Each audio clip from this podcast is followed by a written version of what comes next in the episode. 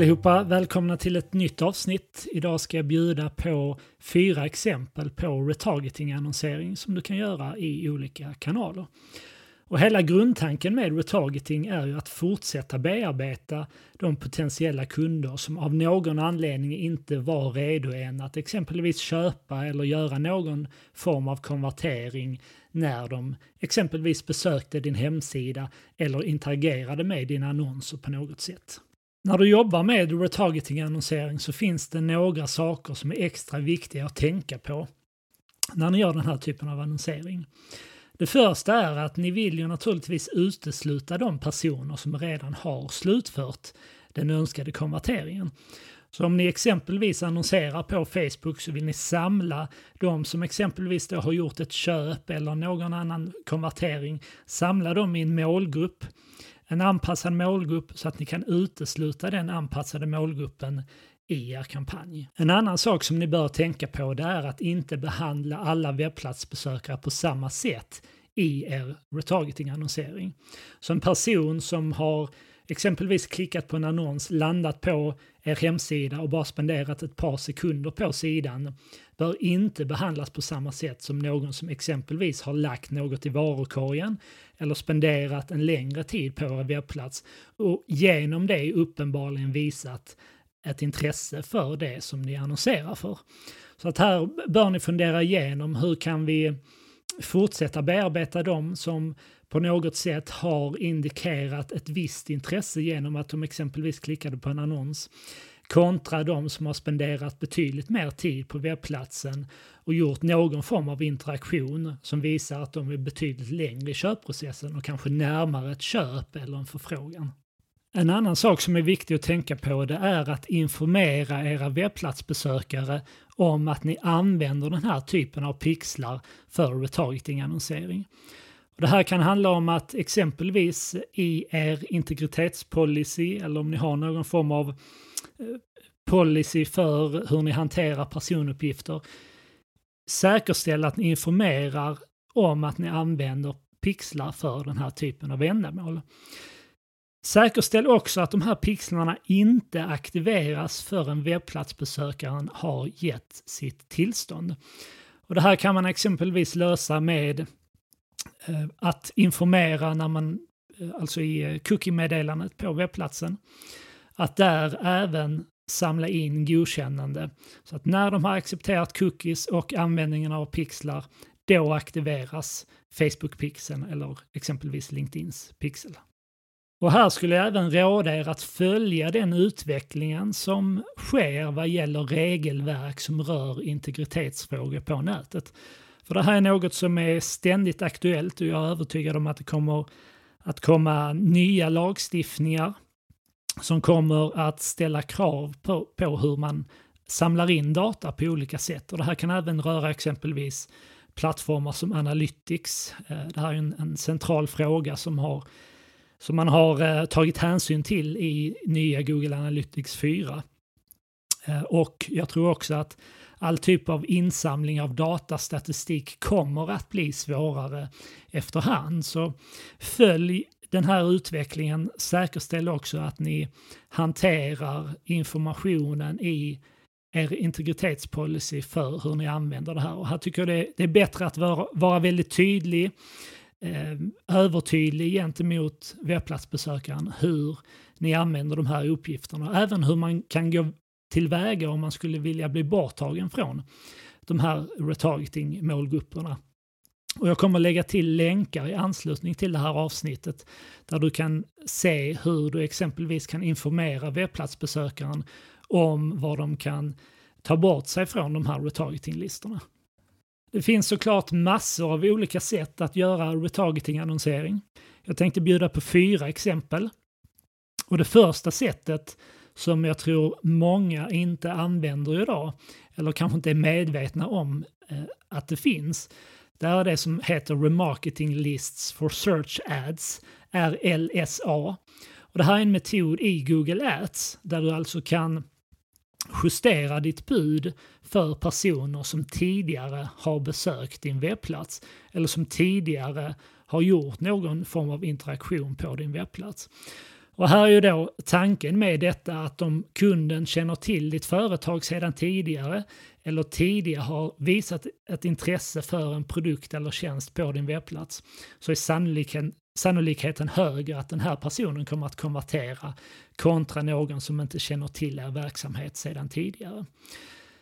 Så för att kunna använda remarketing lists for search ads så behöver ni skapa målgrupper i Google Analytics som ni sedan importerar till Google Ads eller om ni skapar dem i, direkt i Google Ads. Så kolla gärna in Remarketing List för Search Ads. Jag lägger till länkar där ni kan fördjupa er kunskap kring just den här metoden. Ett annat sätt att göra retargeting det är den möjlighet som finns i Facebook Ads att rikta annonser till personer som tidigare har interagerat med antingen din sida, dina inlägg eller någon av dina annonser som du kör på Facebook. Och Det här är också ett sätt att nå ut till personer som tidigare känner till er eller som tidigare har visat någon form av intresse. De kanske ännu inte har besökt er hemsida.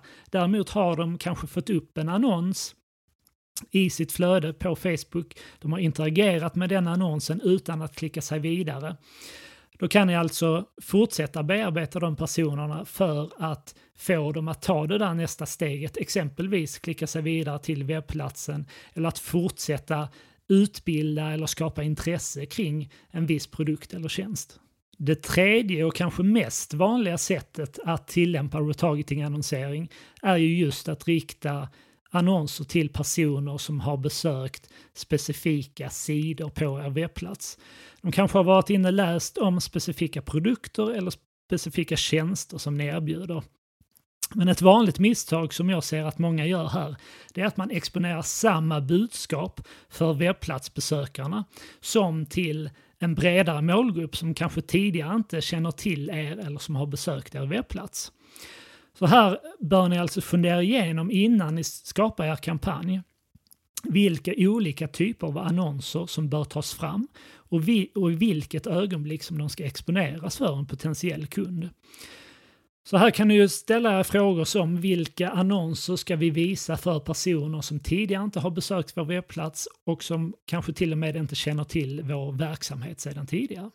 Vilka annonser visar vi för personer som har interagerat med våra annonser eller med vår sida på Facebook men som ännu inte har besökt vår webbplats? Och sedan vilka budskap ska vi då visa för de personer som har besökt vår webbplats eller som har gjort specifika åtgärder på vår webbplats. Så här kan alltså en annons som riktar sig till en bredare publik väcka intresse och informera om en produkt eller tjänst. Medan då en annons som ska visas för personer som redan har varit inne och läst om den där produkten eller tjänsten kanske istället ska framhäva kundcase eller citat från nöjda kunder eller liknande. Så det fjärde och sista sättet som jag vill tipsa om det är att rikta retargeting-annonsering till personer som har slutfört specifika åtgärder på er webbplats. Så innan ni startar er kampanj, er kampanj så fundera igenom vilka åtgärder eller vilka mikro och makrokonverteringar som kunden kan slutföra på er webbplats. Så några exempel på frågor som ni då kan ställa er är Ska vi fortsätta bearbeta personer som har spenderat mindre än 30 sekunder på webbplatsen? Om svaret är ja, hur ska ni i så fall göra det? Vilka budskap ska vi marknadsföra till personer som har spenderat ett par minuter på sidan och därigenom visat ett större intresse? Utan att ha slutfört det makromål som vi har, exempelvis en förfrågan eller eh, nedladdning av en e-bok eller ett köp. Vilka budskap kan vara relevanta att marknadsföra till personer som har genomfört någon form av mikrokonvertering på webbplatsen? Det kan vara att de har spenderat x antal minuter på sidan. Det kan vara att de har eh, eh, laddat ner ett produktblad som finns tillgängligt som en pdf på sidan exempelvis. Så om du inte gör något av den här typen av annonsering idag så är en bra början att ta fram en eller flera annonsvarianter som riktar sig till en bredare publik för att skapa det här intresset och medvetenheten för att exempelvis driva trafik. Och sedan ta fram en eller flera annonsvarianter som riktar sig till de som har besökt den sidan som ni vill driva trafik till. Så för att sammanfatta lite, uteslut de personer som har slutfört det ni vill att de ska göra. Behandla inte alla webbplatsbesökare på samma sätt, utan fundera igenom vilka olika steg kan kunden gå igenom på vår hemsida eller när de interagerar med vår sida eller våra annonser. Och hur ska vi fortsätta bearbeta dem beroende på vad de har gjort eller inte gjort. Säkerställ att era pixlar inte aktiveras förrän att ni har fått godkännande av kunden. Informera om hur ni använder det här, exempelvis i er integritetspolicy. Följ utvecklingen av befintliga och nya regelverk som gäller integritetsfrågor på nätet. Så att ni hela tiden kan vara förberedda för hur ni ska arbeta med den här typen av annonsering.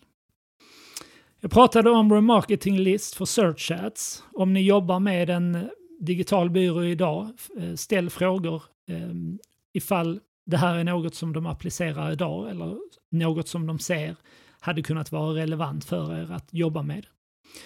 Vi pratade om att skapa retargeting-annonser för personer som har interagerat med er sida, era inlägg eller era annonser. Det kan vara ett bra sätt att fortsätta skapa intresse att utbilda för att få dem att exempelvis klicka sig vidare till er webbplats. Vi pratade om naturligtvis att göra retargeting-annonsering till personer som har besökt specifika sidor, exempelvis då produkter eller tjänster på er webbplats. Fundera igenom hur ska vi fortsätta bearbeta de kunder som har visat intresse. Jag tänker här för, är det, handlar det om korta köpcyklar för kunden så skulle jag gå, gå mer rakt på sak. Alltså om ni säljer en produkt som kanske kostar några hundra kronor. Ja, man kanske lyfta fram ett citat från nöjda kunder i er retargeting-annonsering för att få dem att återvända och slutföra sitt köp. Medan handlar det om business to business kommunikation där det är betydligt längre eh, köpprocesser, då kanske er retargeting-annonsering snarare går ut på att fortsätta utbilda kunden kring ett område, att leverera någon form av content eller att marknadsföra någon form av nedladdningsbart material. Och sedan pratade jag också om att köra retargeting-annonsering till personer som har slutfört specifika åtgärder. Och det här kanske kräver då att ni har satt upp olika typer av konverteringar på er webbplats så att ni exempelvis då kan köra retargeting-annonsering till personer som har Eh, som exempelvis då har lagt något i varukorgen eller som har lagt, eh, eller förlåt, som har laddat ner någon form av e-bok. Vad är det för information som hade varit relevant för dem att få i ett nästa skede? Mer tips och inspiration kring annonsering hittar du dels i den här podden men även på nivide.se blogg. Där kan du också ta del av våra e-böcker, exempelvis kring sökmarknadsföring. Och jag håller faktiskt just nu på att ta fram en ny e-bok som enbart kommer att fokusera på annonsering i Google. Så håll utkik efter den och jag kommer naturligtvis berätta även här i podden när den e-boken finns eh, tillgänglig för nedladdning. Så med det sagt så vill jag önska dig lycka till och så hörs vi här snart igen. Ha det bra!